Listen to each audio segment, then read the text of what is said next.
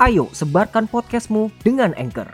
Di sini kamu bisa record dan edit audiomu lalu distribusikan langsung ke Spotify, Apple Podcast, SoundCloud, dan lain-lain secara otomatis. Otomatis. Nah, sekarang tinggal download aja di Play Store atau App Store atau kunjungi www.anchor.fm. Selamat bikin podcast.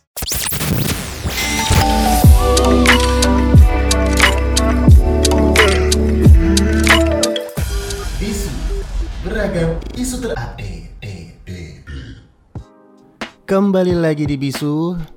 Apa kabar semua? Puasanya lancar-lancar aja. Untuk informasi hari ini Yang pastinya di Bisu Pasti informasinya akan selalu positif teman-teman ya.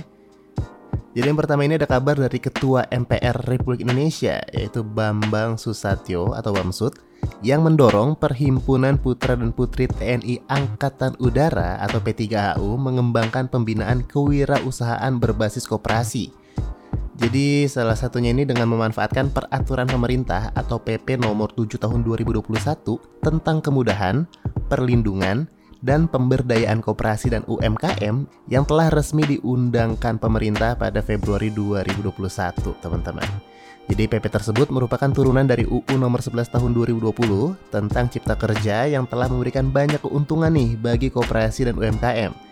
Salah satu hal krusial yang diatur adalah adanya kewajiban penyediaan 30% dari area infrastruktur publik seperti bandara, rest area, dan stasiun kereta api untuk lahan usaha koperasi dan UMKM, teman-teman. Jadi memang Ketua DPR RI ke-20 ini menjelaskan kontribusi UMKM terhadap produk domestik bruto nasional mencapai 60%, teman-teman, serta mampu menyerap 97% dari total tenaga kerja. Tapi walaupun seperti itu ya, yang mampu beradaptasi dan terhubung dengan ekosistem digital ini baru sekitar 13 persennya aja.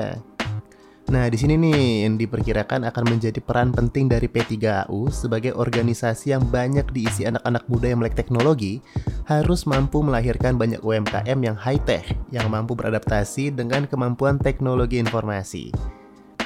Wakil Ketua Umum Kadin Indonesia ini menerangkan untuk membangun UMKM yang tangguh dan mempunyai daya saing global – karena pemberdayaan literasi teknologi bagi para pelaku UMKM, teman-teman, adalah suatu keniscayaan.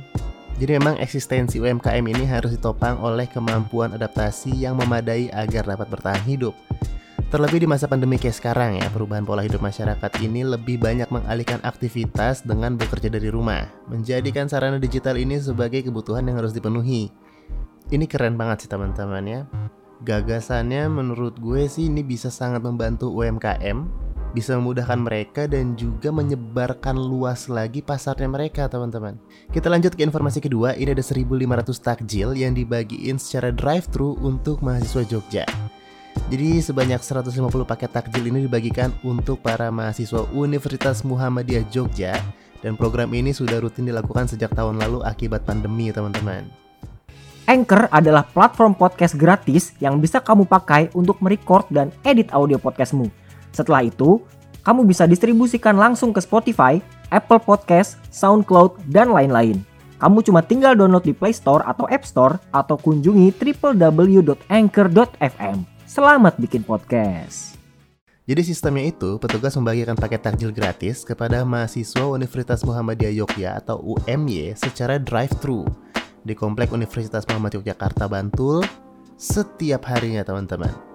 Untuk waktunya sendiri ini sekitar jam 5-an teman-teman. Jadi menjelang-jelang waktu berbuka puasa. Dan untuk tetap menjaga protokol kesehatan ini dilakukan secara drive-thru. Ini keren banget sih teman-teman ya. Jadi kondisi apa pun ini tetap tidak bisa menghalangi kita untuk beraktivitas yang positif. Dan gerakan takjil secara drive-thru ini akan berlangsung selama 25 hari pertama bulan Ramadan Atau kurang lebih seminggu sebelum lebaran teman-teman ya dan menurut mahasiswa setempat juga program ini sangat didukung teman-teman apalagi untuk mahasiswa yang merantau ke Jogja mencari ilmu ini pasti akan sangat berguna banget untuk mereka teman-teman dan sangat didukung juga oleh mereka. Dan informasi terakhir, ini kepolisian daerah Kalimantan Tengah atau Polda Kalteng membentuk tim anti street crime untuk mengantisipasi kejahatan jalanan. Pembentukan ini ditandai dengan penyerahan senjata api jenis Scorpion kepada personil reserse Polres dan jajarannya di lapangan Ditsamapta Polda Kalteng, Kota Palangkaraya. Jadi penyerahan Senpi Scorpion ini langsung diserahkan kepada Kapolda Kalteng Irjen Pol Dr. Dedi Prasetyo dengan disaksikan oleh Wakapolda Kalteng Brigjen Pol Ida Utari Purnamasari beserta jajarannya teman-teman. Dan pembentukan tim ini adalah sebagai bukti bahwa Polda Kalteng ini serius untuk menangkal kejahatan jalanan yang meresahkan masyarakat teman-teman ya. Dan pada kesempatan yang sama juga Polda Kalteng melaunching alat pendeteksi COVID-19 buatan Universitas Gajah Mada yaitu Genosis C19 dengan adanya alat ini, diharapkan dapat mendeteksi dini bagi petugas di lapangan sehingga angka penyebaran COVID-19 di Kalimantan Tengah ini dapat ditekan teman-teman ya. Untuk kalian yang belum tahu, teknologi Genosis C19 ini merupakan alat yang digunakan sebagai deteksi dini yang mampu mendeteksi virus corona sekitar 2-3 menit dengan tingkat keakuratan ini 90-97% teman-teman. Jadi tesnya ini hanya melalui hembusan nafas sehingga lebih nyaman dan juga mudah. Itu dia tadi tiga informasi untuk hari ini. Semoga kalian puasanya lancar-lancar aja, tetap positif, dan yang pastinya sampai ketemu lagi di episode selanjutnya.